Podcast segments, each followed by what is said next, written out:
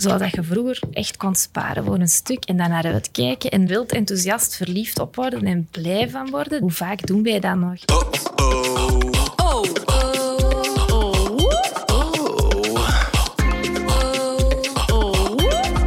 Welkom bij de podcast van Only Humans, waarin we op zoek gaan naar sterke mensen achter merken en hun unieke verhalen.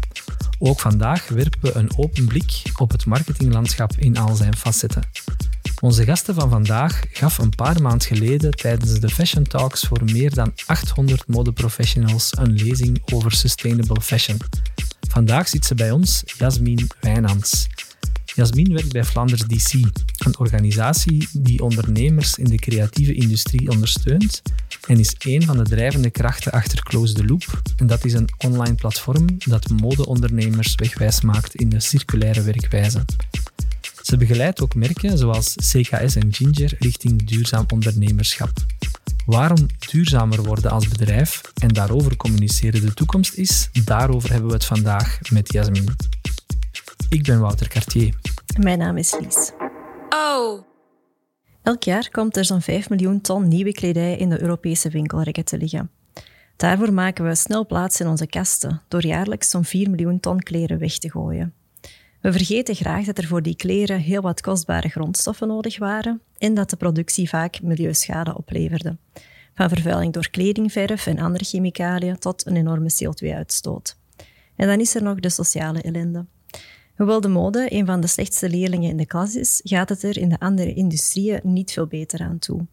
De manier waarop we produceren en consumeren is onhoudbaar en we bereiken de grenzen aan onze planeet.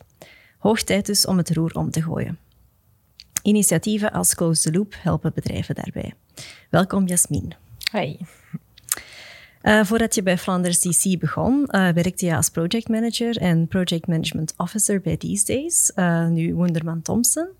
Het lijkt aan een verre sprong naar je huidige job als expert in sustainable fashion. Um, hoe natuurlijk was voor jou die overstap? Dat is eigenlijk een vraag die heel veel mensen stellen, um, omdat dat inderdaad iets is wat heel, veel, heel ver van elkaar lijkt te liggen. Um, en dat is ook iets dat geleidelijk aan is gegroeid. Het is niet dat ik zo van dag één in marketing en reclame zat, in een bureau werkte en dag twee expert sustainable fashion was. Um, maar ik ben eigenlijk door de job die ik deed bij These Days, waar ik, uh, ja, ik heb eerst lang als projectmanager op Microsoft gewerkt, op een vaste klant. En daarna ben ik veel meer interne processen gaan begeleiden, templates gaan maken, tools gaan maken, uh, projectmanagers begeleiden in het operationele deel. Um, en dat zijn eigenlijk skills die ik daar heb opgebouwd, meer organisatorisch, die uh, op dat moment Flanders Fashion Institute, want dat is, ja, Flanders Fashion Institute is overgegaan in wat nu Flanders DC is, organisatie waar ik voor werk, um, waar zij toen naar op zoek waren. Dus ik ben daar eigenlijk begonnen als project manager op tools en kennis, kennisopbouw, kennisontwikkeling. En um, zoals dat vaak gaat bij een nieuwe job, zijn er altijd van die projectjes waarvan iedereen denkt, aha, er is iemand nieuw, dat projectje, waar we allemaal geen tijd voor hebben, maar we eigenlijk wel super tof vinden, dat kunnen we daar wel bij kwijt. En dat was op dat moment was dat een project van de stad Antwerpen, uh, Stadslab 2050. Die proberen de stad te verduurzamen. En die hadden gezegd, ja, we gaan op verschillende industrieën inzetten. En mode is één industrie. En we willen gaan kijken wat we daarmee kunnen doen. We gaan naar Flanders Fashion Institute en we gaan kijken hoe dat we uh, dat samen kunnen aanpakken. Dat projectje is dan bij mij terechtgekomen. We gaan eens iets doen rond duurzame mode. Uh, en dat is eigenlijk uitgegroeid tot ja, een, een heel platform rond uh, duurzaam ondernemerschap, circulaire economie in de mode. Uh, en, en, eigenlijk de voorbije vijf jaar heb ik daardoor ook um, de mogelijkheid gekregen om mij daar expert in te maken. Hè. Dus door mij daarin te verdiepen, heel veel over te lezen, kennis over op te doen, Echt mensen te spreken. Dan. Ja, ja, voilà. Dus het lijkt heel ver van elkaar te liggen, maar voor mij is dat iets wat heel gaandeweg geleidelijk aan uh, is, is gegroeid. Ja, en was, was er veel aanpassing? Want je zegt, ja, je bent in je eerste job bij These Days in een aantal dingen gegroeid. Je bent hier ook in een aantal dingen gegroeid. Wat is dan de grootste aanpassing geweest als je die twee vergelijkt?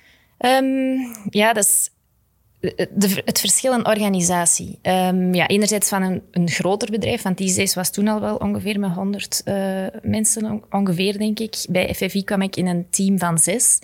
Um, dat is sowieso een hele overstap, want je krijgt een heel ander soort verantwoordelijkheid. Wat wil ik daarmee zeggen? Dat heeft ook te maken met type organisatie. Bij, bij These Days kreeg je normaal gezien, dat kennen jullie heel goed, een briefing van een klant en je gaat daar een project van maken, je plakt daar een budget op en je gaat daarmee aan de slag. Je hebt een heel duidelijke deadline en je weet wat je moet doen. Ja.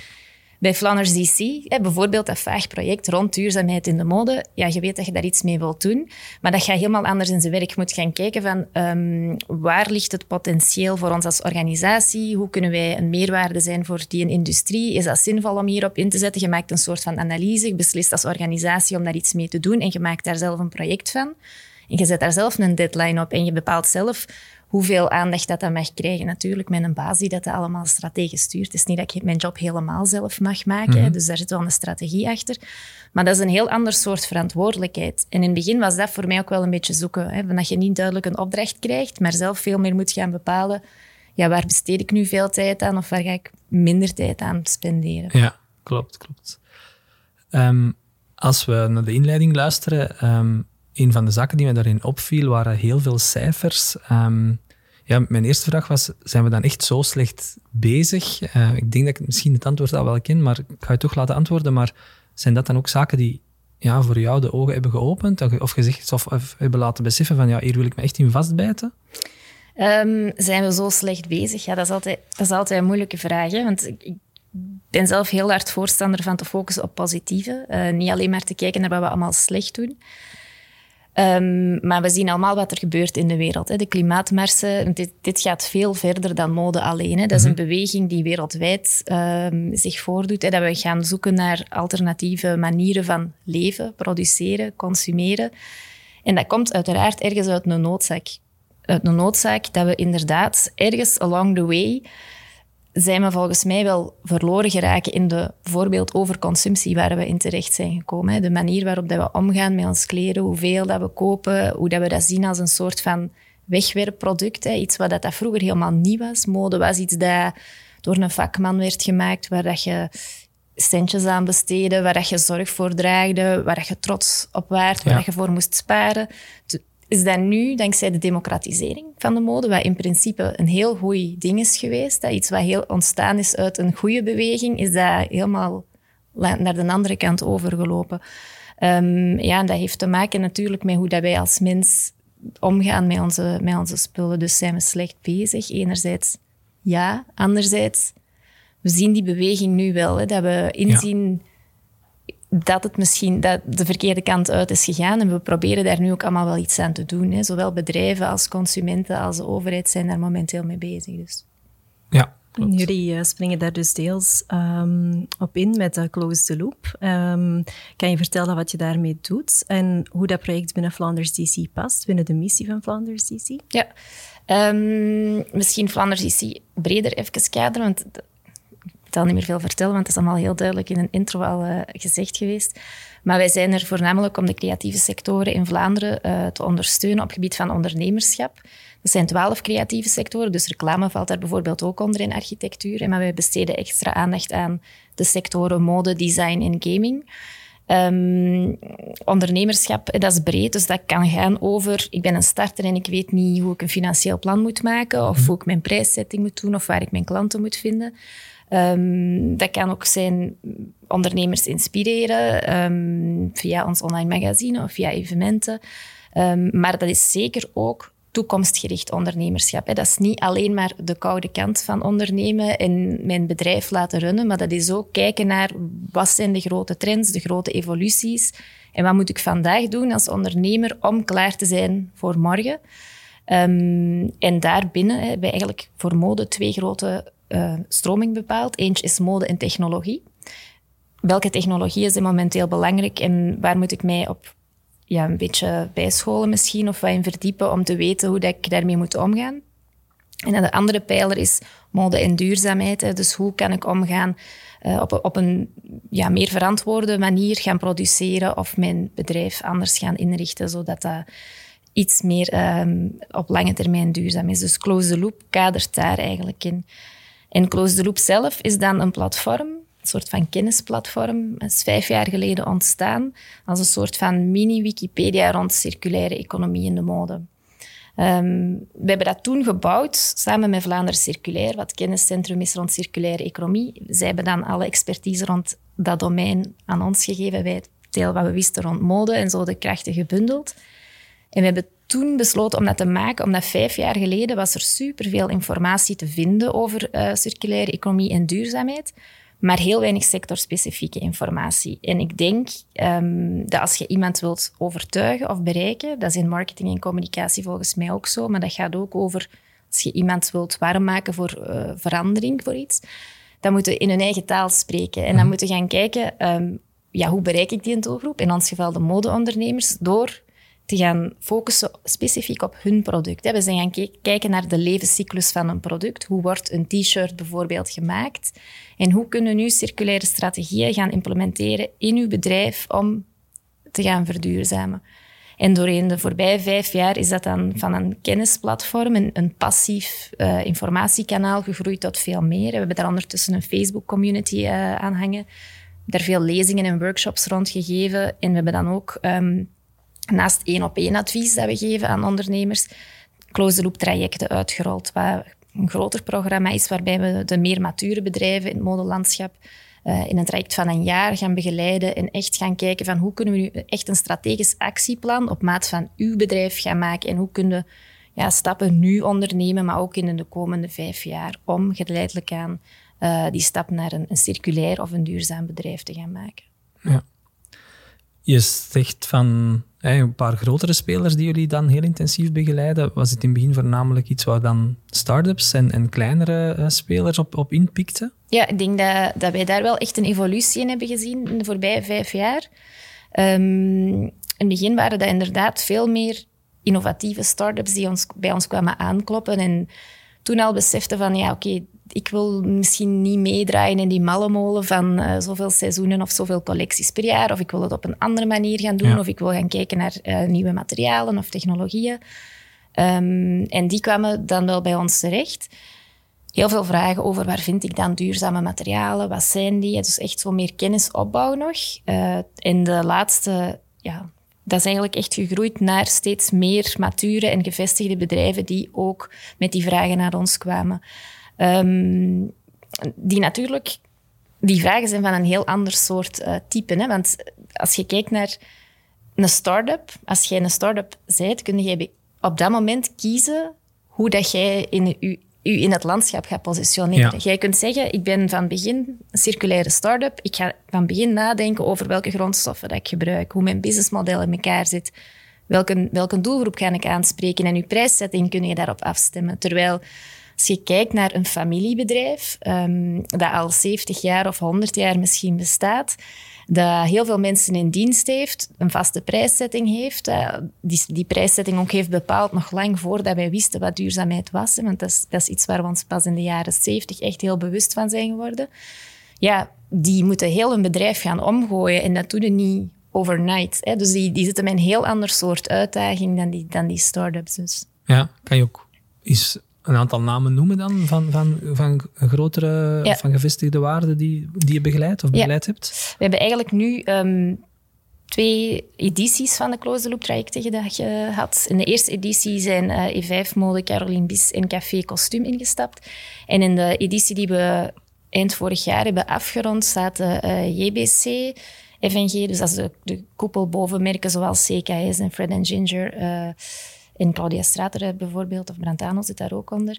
Um, en daar zaten ook nog bij Xandres, Marilise en Rainbow Styling, dat is bruidsmode, Atelier Noterman, Eskimo Woody. Uh, dus dat zijn, in België zijn dat de iets grotere ja. uh, spelers. Ja, en als zij dan naar jou komen, of je zegt van hey, hoe ga ik duurzaam om als ik bijvoorbeeld een t-shirt moet maken, kan je in een paar zinnen uitleggen van wat dan maatregelen zijn of stappen zijn die ze moeten nemen? Eerst en vooral, ik doe dat niet alleen, want ik word tot expert daarin gedoopt, maar een expert is iemand die um, misschien heel veel in de diepte kennis over iets heeft. Uh, en ik ben een generalist. Ik heb ervaring en kennis opgebouwd over het systeem in zijn geheel en een netwerk opgebouwd van heel veel mensen die kennis in de diepte hebben op bepaalde domeinen waar ik mee samenwerk om die, begeleiden, uh, die bedrijven te begeleiden. Ik doe dat zeker niet alleen. Ik zet een groter kader uit en ik weet de juiste mensen te vinden. Ja. Um, maar ik heb daar ook heel veel mensen die mij omringen met de juiste kennis. Maar hoe dat wij dat concreet aanpakken, is wij gaan eigenlijk kijken um, naar de waardeketen van dat bedrijf. Misschien moet ik kort even uitleggen wat het principe achter circulaire economie is, want dat gaat het wel voor een groot stuk verduidelijken, denk ja, Graag. Um, de makkelijkste manier om dat uit te leggen is de circulaire economie af te zetten tegen het huidige systeem dat wij allemaal kennen, de lineaire economie. En in de lineaire economie gaan we grondstoffen nemen, gaan daar iets mee maken en dat wordt op het einde van het leven wordt dat afval. Dat is een take-make-waste model. En bij een t-shirt is dat bijvoorbeeld, je neemt katoen, je maakt daar een t-shirt van, je verkoopt dat aan de consument, die draagt dat en ergens wordt dat afval en creëerde gaandeweg ook nog eens afval. In een circulaire economie ga je eigenlijk kijken hoe dat je je daartegen af kunt zetten en hoe dat je kunt focussen op de lange levensduur van producten. Dus dat gaat over waardebehoud. Hè. Mhm. Zorgen dat je niet iets zo, zomaar snel weggooit en het vermijden van afval in elke stap van dat proces. Dus wat wij hebben gedaan is gaan kijken um, hoe kun je nu in de levenscyclus van een kledingstuk gaan kijken uh, uh, hoe dat je die twee grote strategieën kunt gaan verwezenlijken. Uh, en dat is eigenlijk ook de oefening dat wij bij elk bedrijf in het begin doen. In het begin gaan wij kijken van hoe zit uw waardeketen in elkaar. Dat is ongeveer overal wel hetzelfde. Dus je hebt in het begin ga je een, een kledingstuk ontwerpen, materialen zoeken. Je gaat iets produceren, ofwel heb je je eigen productie, of je doet dat in het buitenland, je outsourced dat. Uh, je gaat dat verkopen aan je consument in een winkel of online, of uh, ja, dat kan B2B of B2C zijn. Mm en, en op het einde, die consument gooit dat weg. En dan gaan wij met die bedrijven kijken, oké, wat is nu de waarde van uw bedrijf en hoe kun jij um, dat verhaal voor u gaan verduurzamen? Dat is nog heel vaag, besef ik. Um, maar die waarde daarin is heel belangrijk. Want als je bijvoorbeeld zou kijken naar... Ik ga twee voorbeelden zoeken die nogal ver uit elkaar liggen. Uh, naar Raf Simons bijvoorbeeld, een, merk, een high-end merk. Ja. Um, dat, dat heeft een heel andere kern, een heel andere waarde dan de JBC. Maar dat wil niet zeggen dat die twee niet kunnen zoeken naar een manier om duurzaam of circulair te zijn. Maar de manier waarop dat je dat gaat doen, is helemaal anders. Naar Raf Simons dat is al heel hoge kwaliteit. Daar hangt al een bepaald prijskaartje aan. Iemand dat een stuk van Raf Simons koopt, gaat dat waarschijnlijk niet binnen dit en een half jaar weggooien. Die gaat dat waarschijnlijk nooit weggooien. Die gaat daar misschien tweedehands verkopen of die gaat dat doorgeven aan iemand. Terwijl als je een stuk koopt bij JBC, ben je eerder geneigd om dat wel te doen. Dus je gaat kijken, een JBC kan bijvoorbeeld, dat is nu maar een voorbeeld, hè, gaan kijken naar uh, hoe kan ik dan, als mensen dat toch gaan weggooien, zorgen dat ik mijn grondstoffen terugkrijg, zodat ik die kan gaan recycleren of dat ik daar zelf een tweedehandsmarkt mee kan op gaan zetten. Of um, ja, mensen wel gaan, gaan stimuleren om dingen door te geven. JBC doet dat bijvoorbeeld door in, uh, in kinderkleding labeltjes te hangen met dit kledingstuk is van. En dan kan je daar een naam invullen, maar er zitten daar drie regeltjes om te, aan te tonen van ja, oké, dat is niet alleen maar voor uh, Oscar, maar dat kan daarna kan dat ook nog naar Victor gaan. Hè. Dus dat is een beetje de strategie daarachter. Dus dat is, dat, is, dat is heel hard gebonden aan de merkidentiteit ook van, van dat bedrijf, hoe dat je dat aanpakt. En er zijn heel veel manieren om daarmee om te gaan. En we gaan dan samen met die bedrijven stap voor stap naar die verschillende schakels binnen Close the Loop kijken en zien ja, wat kunnen we nu op elke stap doen om nog verder uh, ja, in die circulaire economie te geraken binnen uw eigen waarde als bedrijf. Ja is inderdaad ja, heel veel dat bedrijven kunnen doen. Uh, en duurzaam ondernemen, circulaire economie, dat klinkt heel breed allemaal. Um, worstelen bedrijven soms met dat gevoel van dat er geen beginnen aan lijkt? Ja, heel zeker. Um, ik denk dat dat ook heel normaal is. Ik denk dat je dat zelf als consument ook hebt. Uh, we weten allemaal wel dat we het een beetje beter willen doen. Maar hoe begin je daaraan? En zeker weten we dat wat er in de media allemaal verschijnt, week 1 kan zijn geen plastieke zakjes meer en week 2 kan zijn de herbruikbare katoenen zakken zijn slechter voor het milieu dan de gerecycleerde plastic zakjes. We weten het soms ook allemaal niet meer. Hè? En dat hetzelfde voor bedrijven. Um, en daardoor lijkt dat soms ook heel, um, een hele grote berg om aan te beginnen of te beginnen beklimmen. Um, maar wij proberen bedrijven altijd te motiveren om ergens te starten. En als consument probeer ik dat ook. En ik denk dat dat de beste manier is om daar mee bezig te blijven. Dus dat je gewoon zegt, oké, just do it. Ga er gewoon voor, begint ergens. En door daarmee te beginnen, wordt dat voor u ook veel duidelijker wat uw meerwaarde kan zijn als bedrijf, wat uw lange, lange termijn strategie daarbinnen kan zijn. Ja, dat is ergens die eerste stap durven zetten en dan van daaruit verder, verder, uh, verder beginnen werken, denk ik. Dat zijn inderdaad belangrijke dingen die jullie kunnen meegeven, vermoed ik. Kan je dan ook uh, eens voorbeelden geven van wat dan effectief dingen zijn die zo bedrijven al gerealiseerd hebben? Dat je zegt van ja, dat is nu echt iets heel tastbaar, mogelijk van een bedrijf dat ook niet wist van hoe moet ik daaraan beginnen en die dat vandaag wel doet? Um, ja, veel, bedrijven zijn er ook nu al wel iets langer mee bezig, wat heel fijn is om te zien, maar blijven toch nog zoeken naar manieren om te verbeteren. Ik zal een paar voorbeelden geven uit de trajecten van de close loop trajecten van vorig jaar, omdat dat meer middensegmentbedrijven zijn en dat mensen zich daar soms moeilijker bij kunnen voorstellen hoe dat zo'n type bedrijven duurzaam kunnen zijn of proberen te zijn. Um, bijvoorbeeld FNG, dus de koepel van die, van die merken dat ik daar juist heb opgenoemd, die, hebben, um, een samenwerk, die zijn een samenwerking aangegaan met de Kringwinkel van Antwerpen. En die gaan nu een uh, pilootproject uitrollen waarbij dat ze um, take-back systemen, dus bakken in de winkels van CKS gaan zetten, waarbij dat mensen kleren kunnen terugbrengen. En die kleren gaan dan voor een stuk gaan die naar um, Honest, wat een, een circulair denim start-up, of ja, kleiner merk is. En anderzijds gaan, dus dat wordt in twee stromen opgedeeld. Alles wat jeans is, gaat naar daar. En alles wat geen jeans is, gaat naar de kringwinkel. Um, om die kleding een tweede leven te geven. Daarnaast hebben zij ook een um, retoucheproject opgezet. Dus wat, wat, wil dat zeggen? Dat zijn kledingstukken waar kleine defo's aan zijn, die worden teruggestuurd of ja, die bij productie al fout zijn. Uh, en die worden dan ook aan de kringwinkel gegeven en die gaan naar een sociaal atelier waarbij dat mensen die moeilijk toegang hebben tot de arbeidsmarkt, die kleren herstellen. Dus dat, zijn, dat is kleding die normaal gezien zou verbrand of weggegooid worden. Die krijgt nu een tweede leven en daar is ook nog eens een sociaal luik aangekoppeld waarbij dat mensen een nieuwe skill leren. Hè. Die leren naaien. Ja. Um, dat is een voorbeeld daarvan. Bij Marilise en Rainbow Styling, dat is bruidskleding, daar zijn we echt heel concreet gaan kijken naar materialen. Um, hoe kunnen we meer duurzame materialen in onze collectie krijgen? Die zetten daar dan targets op. Hè. Ze hadden nu gezegd van onze 60 jurken gaan we er 10 uit duurzame materialen maken. Uh, zes hadden ze gezegd, 10 procent. Ze zitten nu al aan 15. En zo proberen ze ja. dat elk jaar. Hè. Dus je, je hangt daar dan heel duidelijke targets aan. En je blijft daarin verbeteren. Dat is een stap-voor-stap proces eigenlijk, hoe dat die bedrijven dat aanpakken. Ja. Dus, uh, Zo. En als er dan drempels zijn, wat zijn dan de grootste? Hmm. Um, de grootste drempels, dat is ook weer heel afhankelijk van het type bedrijf dat je bent, denk ik. Um, ik denk een van de grootste uitdagingen voor de industrie in totaliteit is dat er een heel groot uh, gebrek aan transparantie is. Dus dat heel veel bedrijven zelfs niet weten tot waar waar hun kleding wordt gemaakt. Want heel veel bedrijven hebben geen eigen productie. Ja. Um, en die besteden dat dan uit. Maar dat wordt dan ook weer uh, in onderhandeling uitbesteed en uitbesteed. En soms komen er dan schandalen boven. Deze week zelfs nog over slavenarbeid. Um, waarbij dat er dan ook weer van grote merken uh, kledingstukken zijn gevonden. Die merken zeggen dan, ja, wij hebben geen contract met, dat, uh, met, met die fabriek.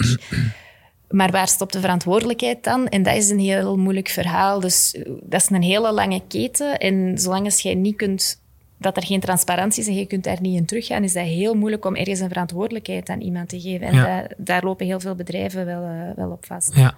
Want mogen, mogen wij als consumenten dan uh, bedrijven die zeggen dat ze wel groen werken, mogen we die geloven? Kunnen we die geloven? Omdat je het inderdaad zegt, want het is niet altijd duidelijk of dat er iets fout gaat. Ze weten het misschien zelf niet. Hoe sta je daar tegenover? Ja, ik vind dat een heel uh, complex uh, vraagstuk. Je ook heel, heel, vaak vragen over greenwashing. Mm. Dus uh, greenwashing is wanneer bedrijven zichzelf groener voordoen dan dat ze effectief zijn.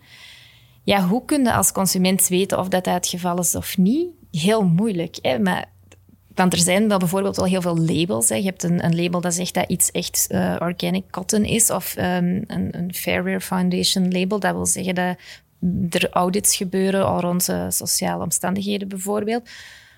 Maar zo'n label wil ook niet altijd, hè, daar durfde uw hand ook niet voor in het vuur steken ten eerste. Uh, en ten tweede, kleine bedrijfjes kunnen zo'n label vaak ook niet betalen. Hè, want daar ja. is een heel systeem achter van auditing en certificatie. Wat wil zeggen dat iemand dat hier om de hoek zelf kleren in elkaar stikt in een lokaal atelier, dat label nooit zal hebben. En een JBC misschien wel. Maar maakt dat dat dan een dan duurzamer dan het ander? Dat is al een heel complex gegeven. Um, hoe weten dat dan wel? Ik denk dat je daar heel veel vragen moet durven stellen als consument aan een bedrijf. Dat je echt in een winkel moet durven durven naar winkelpersoneel stappen en zeggen. En dat is niet belerend bedoeld. Hè. Je moet niemand gaan afstraffen, maar dat je gewoon moet vragen. Weten jullie, kunnen mij vertellen waar dat dit is gemaakt en onder welke omstandigheden? Of En het is door als consument zo'n vragen te stellen dat er ook meer awareness is binnen die bedrijven zelf, dat daar ehm, bedrijfsleiders ook zich meer bewust van zijn dat die beweging meer vooruit gaat. Dus ik denk vooral als consument heel kritisch moet zijn, ehm, maar niet belerend. Dat je een gesprek moet durven aangaan met de merken daarover. En meer en meer merken zijn daar ook wel tot toe bereid om daar een conversatie over aan te gaan. Uh, ik weet niet of dat echt een antwoord is op uw vraag. Zeker. Zeker. Ja, een van de zaken waar je dan automatisch bij komt, en je hebt het ook al een paar keer aangehaald, dat is communicatie daarover. Hè, marketing uiteraard ook. Um, geven jullie daar heel concrete uh, tips of, of uh, zijn daar heel uh, specifieke dingen die bedrijven kunnen doen, die daar effectief wel inspanningen doen? Hoe communiceren daarover? Ja. Wat vertellen we? Dat hangt er voor mij eigenlijk heel, um, heel nauw samen met die vraag rond greenwashing. Um, wat wij merken is dat heel veel bedrijven niet durven communiceren, omdat de pers heel kritisch is natuurlijk en de consument ook kritisch wordt, dat ze heel veel vragen krijgen en dat ze het zelf ook niet altijd weten. Dat zijn bedrijven die vaak wel het hart op de goede plaats hebben, maar ook niet van dag één op dag twee alle oplossingen hebben en daardoor niet durven zeggen dat ze bezig zijn met duurzaamheid, hè, want die worden vaak uh, ja, dan onder vuur genomen en dat is, dat, dat is heel beangstigend. Dus wat wij proberen te zeggen is, Wees daar niet bang voor. Communiceer daar toekoer altijd over. Hoe dat je dat doet, dat is heel verschillend van bedrijf tot bedrijf. En hoeveel en hoe um, prominent dat, dat aanwezig in je communicatie, dat is voor elk bedrijf verschillend. Maar communiceer eerlijk over wat dat je doet. En dat woordje, sorry, dat woordje eerlijk daarin is wel heel belangrijk. Um, want het gaat niet alleen maar over de dingen die je goed doet, of de, de dingen die nu al goed gaan, maar het gaat ook over de dingen die je nog niet zo goed doet, waarvan dat je weet dat je dat nog niet bereikt, maar zeg dat dan gewoon eerlijk van kijk, oké, we weten nu al wat de duurzame materialen zijn, um, we produceren zelf, maar we hebben echt nog geen oplossing voor het einde leven van onze producten. We weten niet hoe we daarmee om moeten gaan, maar dat staat wel op onze planning voor binnen twee jaar, vijf jaar, tien jaar. Probeer daar zo concreet mogelijk in te zijn, dat een consument dat ook mee kan volgen. En zet daar heel open en eerlijk over. Dat is denk ik de enige manier om daarmee om te gaan. Wil dat dan zeggen dat elk bedrijf op zijn homepage van zijn website moet hebben staan Sustainable Brand of the Year? Absoluut niet. Mhm. Ook daar, dat hangt samen met je merk-DNA. Jij vertelt nog altijd als een bedrijf in eerste instantie iets over uw product en uw verhaal. En dat zal niet voor elk bedrijf duurzaamheid op de eerste plaats zijn. Uw USP blijft hetzelfde. Hè? Dus Jij verkoopt nog altijd een product waarin dat jij gelooft voor um, het product dat dat is. Omdat dat mooi is, omdat dat een eigen identiteit heeft, omdat dat uh, sterke kwaliteit is. Ik weet het niet wat je eigen merkidentiteit is, maar dat is nog altijd het eerste verhaal dat je vertelt. En hoe dat je duurzaamheid daarin verweeft, hangt ook daarmee samen. Als je een heel corporate bedrijf bent, dan ga je misschien op je corporate page een about, een gewone pdf hebben, een duurzaamheidsverslag, heel droog. Maar ik als kritische consument kan dat daar wel vinden. Hè? Een typisch voorbeeld daarvan is voor mij een Caroline Bies. We hebben die um, een paar jaar geleden daarin geholpen. En die zijn nog altijd heel sterk aan het samenwerken met eh, een consultant die wij daar toen ook uh, uh, mee in contact hebben gebracht. Dus ik weet als een bedrijf dat heel consequent blijft inzetten op duurzaamheid. Zie je dat aan dat bedrijf? Nee, absoluut niet. Je kunt dat wel ergens terugvinden op die website, maar hun doelgroep, de vrouw tussen de, ja, ik weet niet, 50, 50 60 jaar, um, zij hebben daar, ja, ze hebben daar een ander verhaal naar. Ze blijven het verhaal brengen dat ze daarvoor hebben, hebben gebracht. Het type kleding dat dat is, over een stijlvolle vrouw, over hoe, de, hoe dat zij die persona hebben geanalyseerd. Ze blijven dat verhaal brengen. En ik als kritische consument vind ergens wel een duurzaamheidsverslag terug. Dat is één manier. Een andere manier is uh, bijvoorbeeld een Stella McCartney, die dat daar wel al langer mee bezig is die gaat dat wel op een heel andere manier in haar website integreren. Die gaat zeggen, oké, ik heb hier een heel apart luik en ik noem dat niet sustainability. Ik noem dat The World of Stella McCartney. En ik ga daarin um, niet alleen vertellen over duurzame materialen, maar ook wat ik geloof dat mijn merk is in de bredere wereld. Hè. Je haalt daar bredere thematieken in aan. En die kadert dat in een eigen, ja, de hele wereld van dat merk dat is een heel andere manier van, daar, van daarmee omgaan, maar dat hangt dus heel hard samen met de DNA van, van uw bedrijf. En er zijn heel veel manieren om daarover te communiceren. Dat daar, uh, ja. ja. als we het dan ja, hebben over communiceren, over duurzaamheid en ehm, op een, op een uh, duurzamere manier omgaan met onze grondstoffen en zo. In de media lezen we dan veel over consuminderen, minder vlees eten, we horen vaak wat er niet meer mag. Um, is dit volgens jou de goede manier? Um, ik geloof daar niet in. Um, en, maar dat is inderdaad wel het discours dat je ziet in hele klimaatproblematiek. Mensen, hebben, associëren milieuprobleem, het milieuprobleem met dingen dat wij niet meer mogen. Dat is een probleem. We, moeten, we mogen niks meer, we moeten meer, we mogen minder van alles. Um, dat is ergens, ik weet niet hoe dat, dat is. Want, ja, je weet wel hoe dat, dat is ontstaan, omdat je ergens een probleem hebt gedetecteerd en je gaat dat proberen op te lossen. Um, maar ik denk wel dat we dat op een veel positievere manier zouden moeten kunnen aanpakken. Um, omdat ik niet geloof dat je mensen motiveert door met een vinger te wijzen. Ik ben zelf nog nooit warm geworden van iemand die mij aan tafel heeft proberen te overtuigen dat ik vegetarisch ben, moet gaan eten omwille van de duizend redenen die worden opgesomd. Ik word wel warm van mensen die mij vegetarische recepten doorsturen. Of, want ik zelf niet besef dat ik vegetarisch ben aan het eten, gewoon omdat het zo lekker is. Dus ik denk, um, als je mensen probeert te overtuigen met negatieve gevoelens en schuldgevoelens, dan schiet er gewoon een soort van verdedigingsmodus. Want dan ga je verdedigen waarom dat je je niet schuldig moet voelen over iets. Dus dat heeft volgens mij geen zin. Ik denk dat een positieve benadering daarin veel beter is. En ik zat nu toevallig gisteren nog met iemand samen van uh, de OVAM, uh, dat is de Vlaamse afvalstoffenmaatschappij, um, over het Europees beleid daar rond. En ook in Europa bijvoorbeeld hebben de uh, EEB, en dat is het Europees Klimaatluik eigenlijk, en die spreken nu over bijvoorbeeld the right to repair. Die zijn ook heel die positieve communicatie aan het bekijken. In plaats van te zeggen, um, je mocht geen wegwerpkleding meer kopen, zeggen die, wij hebben het recht op kleding die je kunt herstellen. We hebben het recht op kwalitatieve kleding. En dat is heel onnozel, maar door daar een ander, ja, door dat op een andere manier te formuleren, krijg je daar ook direct een heel andere connotatie bij. Dus ik geloof dat dat zeker op een andere manier kan en moet. Want zie je dan dat die eindklant daar wel voor open staat? Je noemde daar net het voorbeeld, denk ik, van eh, FNG, die um, kleding in zijn winkels eigenlijk, uh, of kleding die, die, die je niet meer wil dragen, die je in de winkel kan uh, afgeven om dan naar de kringwinkel door te verkopen of door te geven. Um, zie je dan dat de, de eindconsument daar wel voor open staat voor dat soort communicatie, dat, dat, dat, dat soort positieve initiatieven en een positieve manier van communiceren wel werkt? Um, dat is een moeilijke vraag. In de zin van, ik, weet daar weinig resultaten van. Ik weet weinig studies die gedaan zijn over um, voorbeelden van positieve communicatie en de impact die die effectief hebben gehad. Um, ja, of gewoon de aanpak. Want ja, je hoeft het nog niet zozeer te kaderen, denk ik, als um, het label van positieve communicatie. Maar de insteek is wel positief. Van breng het terug, wij doen er iets mee. Het enige dat we vragen is als je mm langskomt, kom het gewoon afgeven. Um... Ik denk ook dat dat de reden is waarom dat, dat de laatste jaren zo hard is beginnen leven. Omdat we voor een stuk zijn afgestapt van... Je moet alle kennis en alle pacht hebben en, en, en in handen hebben. En je moet, uh, je, moet u, je moet u informeren en je moogt minder kopen naar...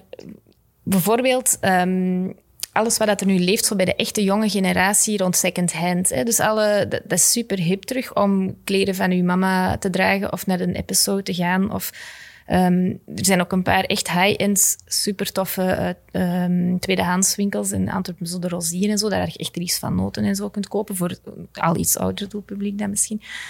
Dat is een heel positieve manier om daarmee om te gaan, want dat is je eigen identiteit vinden op een heel creatieve manier. Niet door gewoon de mainstream te volgen in een, een fast fashion winkel binnen te stappen om dan um, ja, de laatste trends gewoon te copy-pasten. Dat is je eigen identiteit vinden in ja, een schat van, uh, van het verleden. En ik denk dat dat zo door veel van de jongeren ook wordt gepercipieerd. En ik denk dat dat wel een voorbeeld is van hoe dat, dat positief ook geformuleerd kan worden. Ja. Ben je dan hoopvol als je kijkt naar, ik zal het maar noemen, de jonge generaties, tieners, twintigers, dertigers. Want heel vaak wordt er, ze worden bijna vandaag als boekbeeld naar voren geschoven. Het gaat over klimaat. Uh, en, en tegelijk wordt er eerder negatief gekeken naar de iets oudere generatie. Stemt jou, als je dat soort initiatieven ziet, um, Ja, ik heb heel veel hoop in de generatie die er nu aankomt. Ik geloof dat die de wereld gaan veranderen. En als ik daar niet in zou geloven, dan,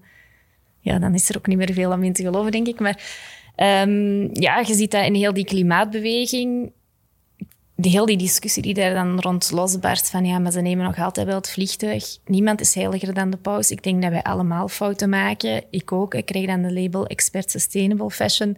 Wil dat dan zeggen dat, dat ik nooit iets onduurzaam doe? Nee, wij zijn allemaal ook maar mensen.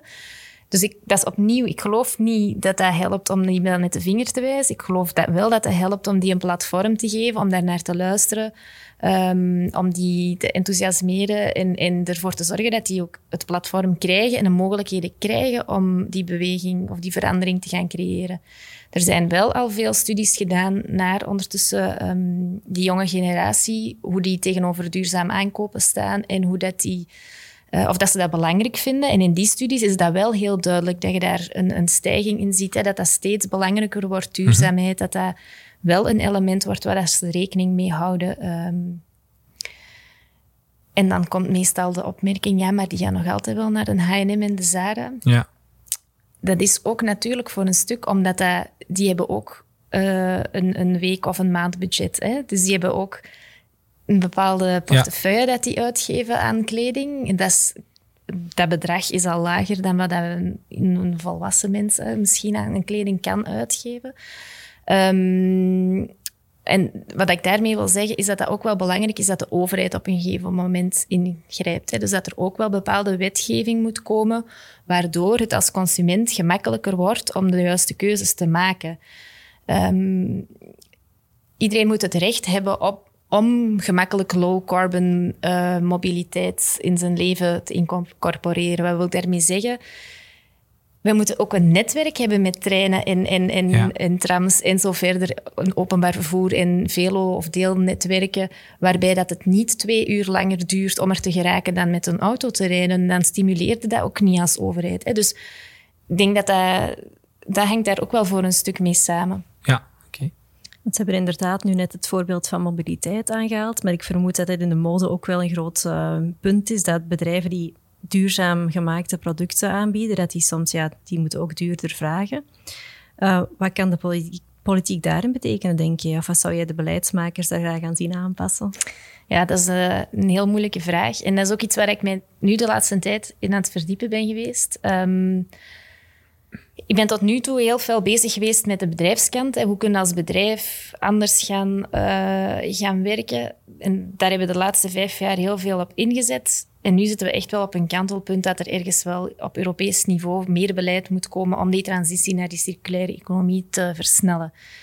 Nu, dat staat daar ook echt op de agenda. Er is een nieuwe Green Deal uh, in Europa en circulariteit staat daar heel hoog op de agenda. En textiel staat daar ook een als de belangrijke pijlers in uh, gedefinieerd.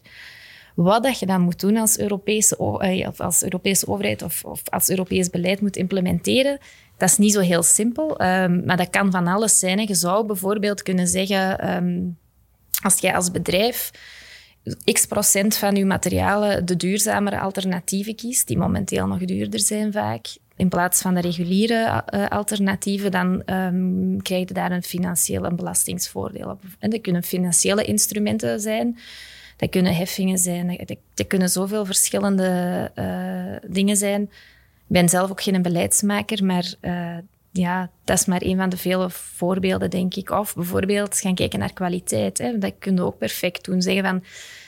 Um, stof hè, wordt voortaan is de kwaliteit daarvan, textiel, neemt zo hard af dat we daar ook niks meer mee kunnen doen. We kunnen dat zelfs bijna niet meer recycleren, want het valt gewoon uit elkaar. Dat je ook zegt als Europa, oké, dingen met zo'n lage kwaliteit komen Europa niet binnen. Heel simpel. Dus heel simpel is dat niet. Maar dat is een van de voorbeelden waar je er wel naar zou kunnen kijken, uh, denk ik. Ja.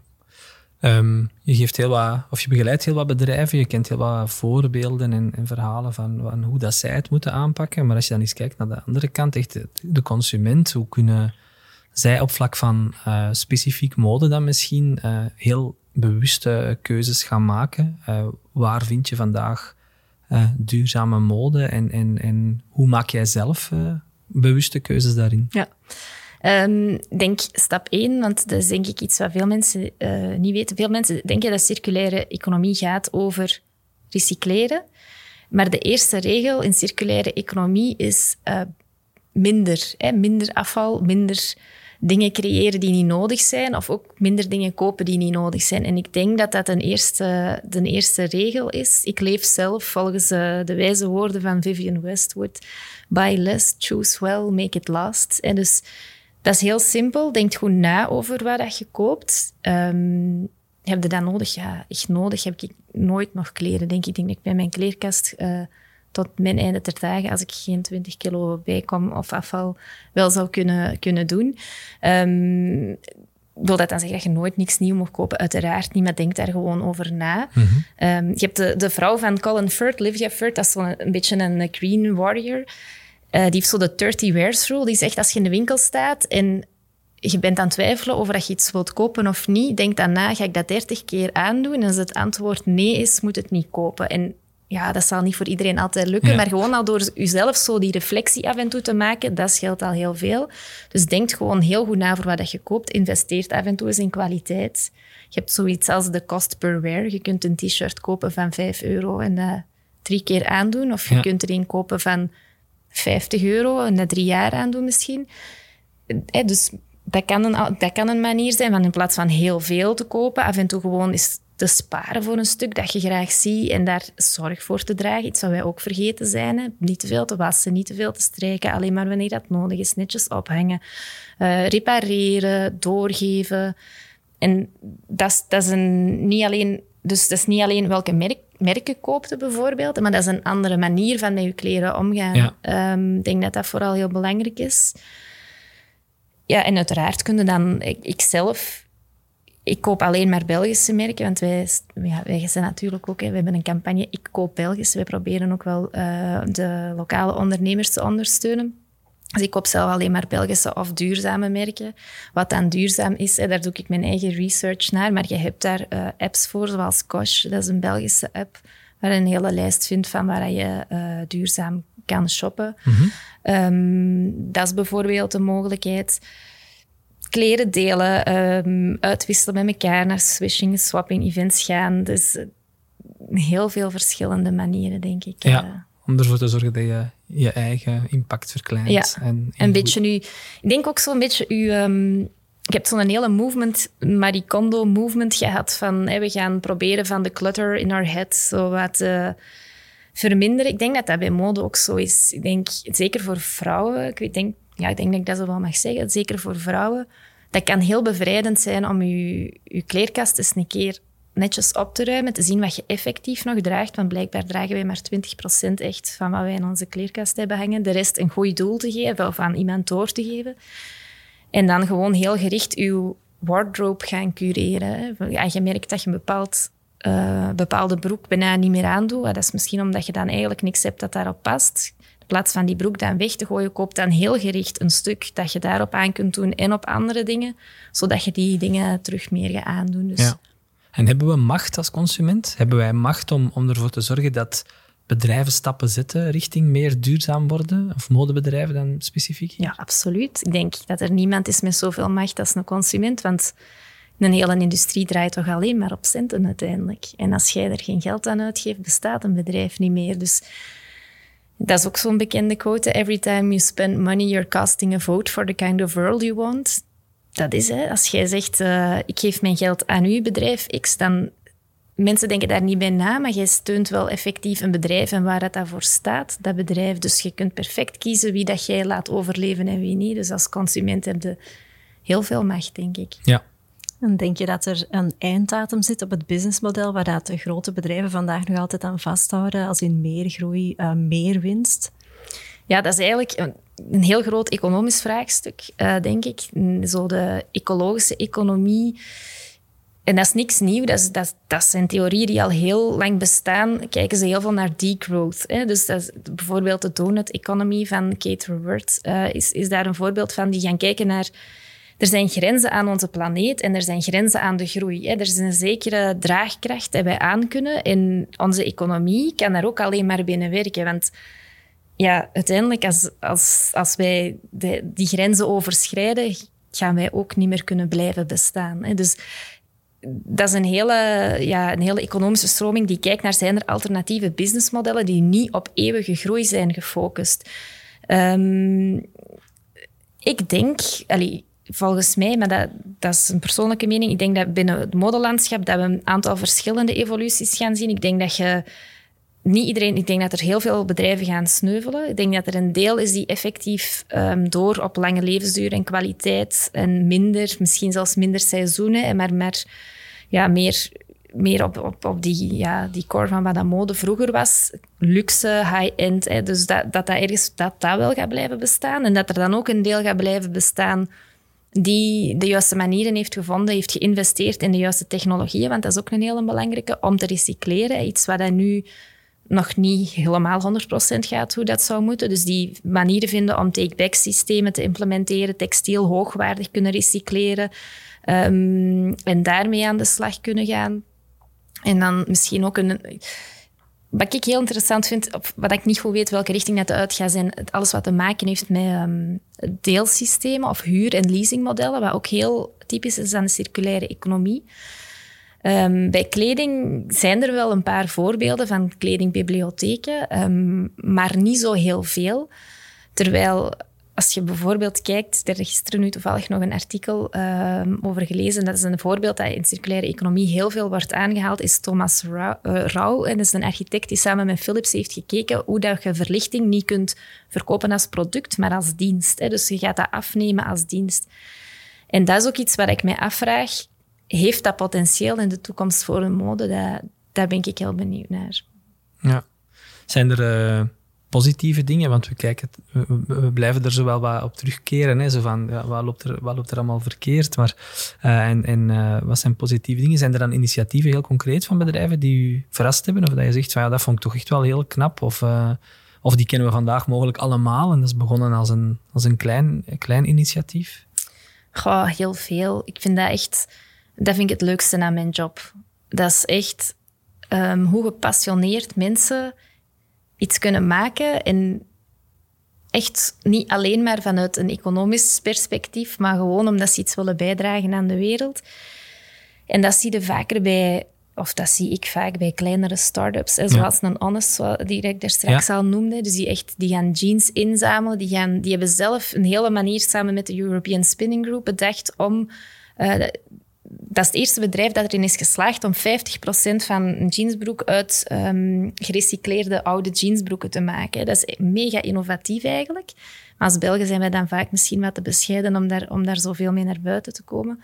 Um, maar dat je dat helemaal uit de grond stamt. Hè. Dus je gaat zelf jeansbroeken inzamelen, je gaat daar um, garen van spinnen, textiel, uh, textiel, van maken, jeansbroeken van maken. Een heel circulair ontwerp met afschroefbare, knopen. Dus over elk element van die broek is nagedacht.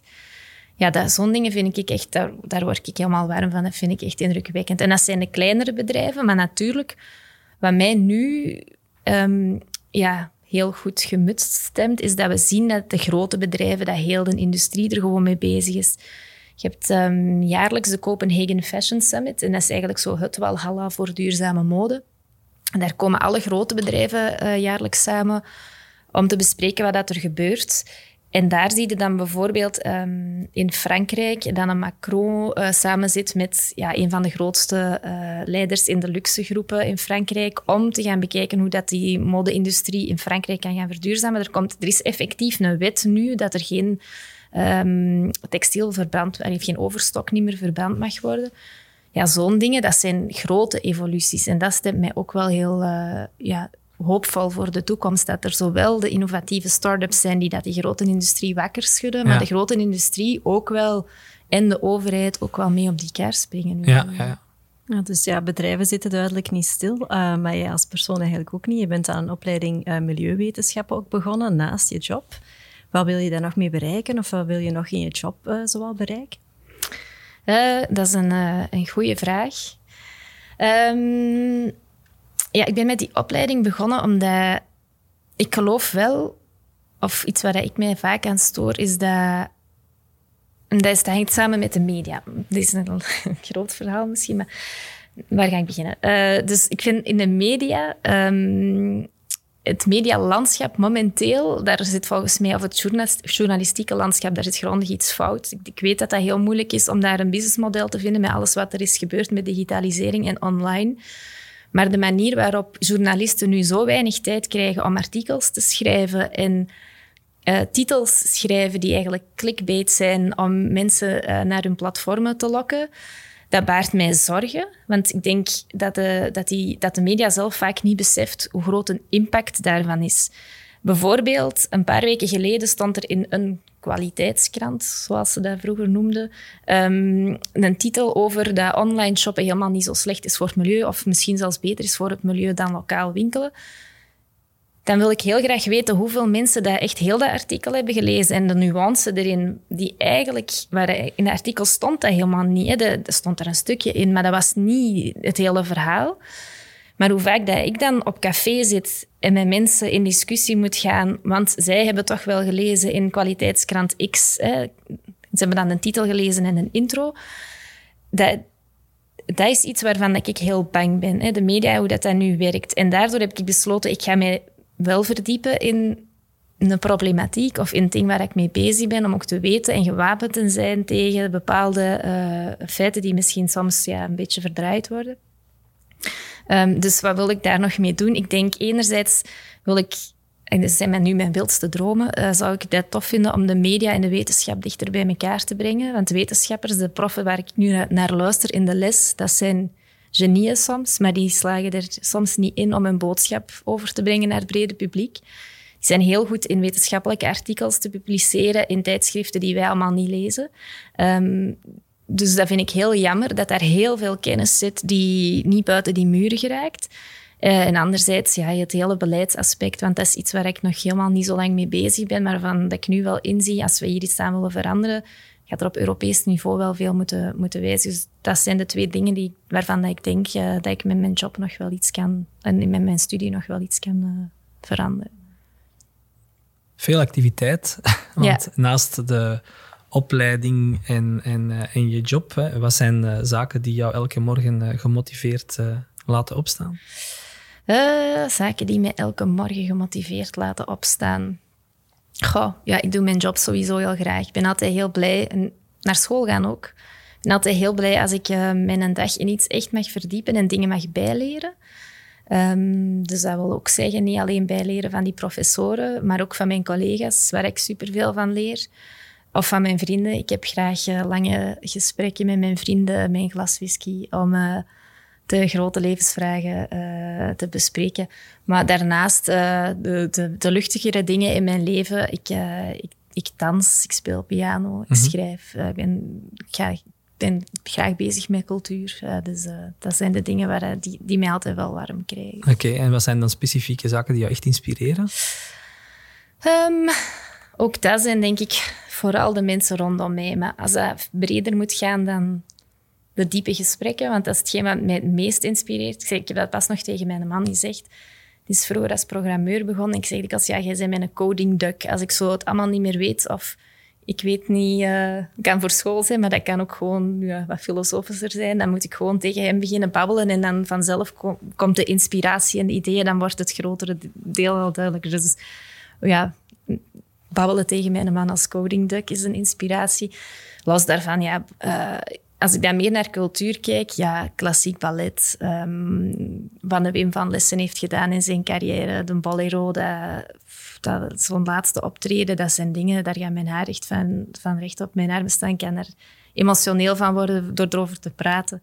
Muziek, nee, heel veel. Muziek is iets wat in onze familie al, al lang wordt doorgegeven, een grote passie voor muziek. Dus dat is ook iets waar ik veel uh, inspiratie nog altijd wel uithaal voor mezelf dan, of dingen waar ik warm van word. Oké. En uh, concreet op, op modevlak, heb je een favoriet merk? Of is er een merk dat luisteraars echt moeten ontdekken volgens jou? Um, goh, zoveel hè. Mm -hmm. Het is altijd moeilijk om dan zo één ding op te noemen. Als ik kijk naar Belgische merken of zo, echt de Belgische merken van kwaliteit waarin ik dan zelf wel wil investeren. Zo Christian Wijnands is voor mij een heel groot voorbeeld. Um, en dat is misschien iets wat ik daar, daar straks misschien nog wel wat ik daarmee wil zeggen is, zo investeren in kwaliteit. Ik pas ook besef dat wij dat niet meer gewoon zijn van zo te sparen voor iets. Zo, zoals dat je vroeger echt kon sparen voor een stuk en dan naar uitkijken en dat hebben en daar dan zo echt wild enthousiast verliefd op worden en blij van worden. Dat, hoe vaak doen wij dat nog?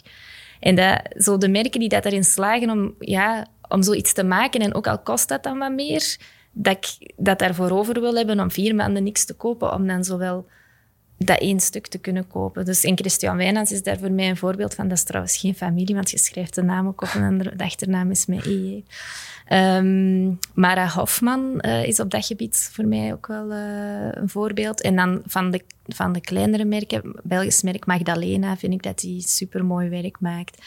Van de duurzamere merken... Um, ja, er zijn er eigenlijk zoveel. Ja, waar moet ik stoppen? Bij ja, We Are Human, 3D-geprinte zonnebrillen, Pure by Loose, uh, Go As You Are. Dat zijn zo wat kleinere merken die eigenlijk ook wel heel mooi werk leveren. Dus, uh. Oké. Ehm, misschien om, om, om af te ronden. Um, we proberen bij elke gast te eindigen met de vraag van wat uh, jou het laatst echt geraakt heeft. Of, of dat mag privé zijn, dat kan professioneel zijn. Zou je dat met ons willen delen? Wat jou echt uh, nee. geraakt heeft? um, ja, wat mij echt heeft geraakt. In, als ze dit gaat zien, dan gaat ze wel heel hard lachen, denk ik. Um, of dit gaat horen, dan gaat ze heel hard lachen. We zijn... Het verhaal begint nogal grappig. Wij zijn twee weken geleden naar, um, naar ons Argenta-kantoor in Westerlo geweest, uh, het geboortedorp van mijn man. En uh, om onze lening te laten herzien. En daar ja, dat is een vrij saai gesprek normaal gezien, zoiets. En uh, toen wij daar buiten gingen, zei de kantoorhoudster tegen mij... Ja, en Jasmin, je moet blijven doen met je job wat je aan het doen bent. Hè? Ik volg je op LinkedIn en ik vind dat echt zo boeiend. En we hebben nu met vier vriendinnen afgesproken dat we een half jaar niks nieuw gaan kopen. En het kleedje dat ik nu aan heb, dat is al tien jaar oud. Hè? Dat is nog van Dries van Noot. Ik weet al niet meer welk merk dat is. Dat is al tien jaar oud hè? en dat is Belgisch. Hè? En dat is, dat is iets heel onnozel, maar dat is wat mij raakt. Dat... Ik heb soms het gevoel dat wij in een bubbel leven met mensen die heel gelijk gestemd zijn of die heel veel dezelfde richting uitkijken. En als je dan ziet dat iemand in een heel andere leefwereld als jij, ehm, toch al een stukje verder van hier, die met heel andere dingen bezig is, dat je die toch ook bereikt en raakt en dat die op een of andere manier dan actie onderneemt en dat ook met u deelt. Want ik vind ook dat wij elkaar te weinig zeggen wat dat wij denken. Uh, ja, dat, dat raakt mij dan echt. Ja, elkaar inspireren. Ja. Ja, oké. Okay. Dankjewel. Um, voor, uh, voor dit fijn gesprek. Ik denk dat we heel wat dingen bijgeleerd hebben, heel wat nuttige tips, nieuwe merken. Um, tot slot wil ik nog even uh, meegeven dat Only Humans een maandelijkse podcast is. Voor onze volgende aflevering hebben wij opnieuw een inspirerende gast weten te strikken, die uh, van alles weet over een heel sterk merk en wat dat allemaal inhoudt. We gaan het met hem hebben over marketing, zorg anno 2020, toch ook een heel hot topic. En we ontdekken de mens achter de CEO in kwestie. Wil je op de hoogte blijven? Abonneer je dan via je favoriete podcast-app. En mocht je het nog niet gedaan hebben, beluister dan zeker ook onze vorige afleveringen. En vergeet ons niet te reviewen en te raten, want zo vinden ook andere luisteraars makkelijker eh, de weg naar deze podcast. Tot de volgende.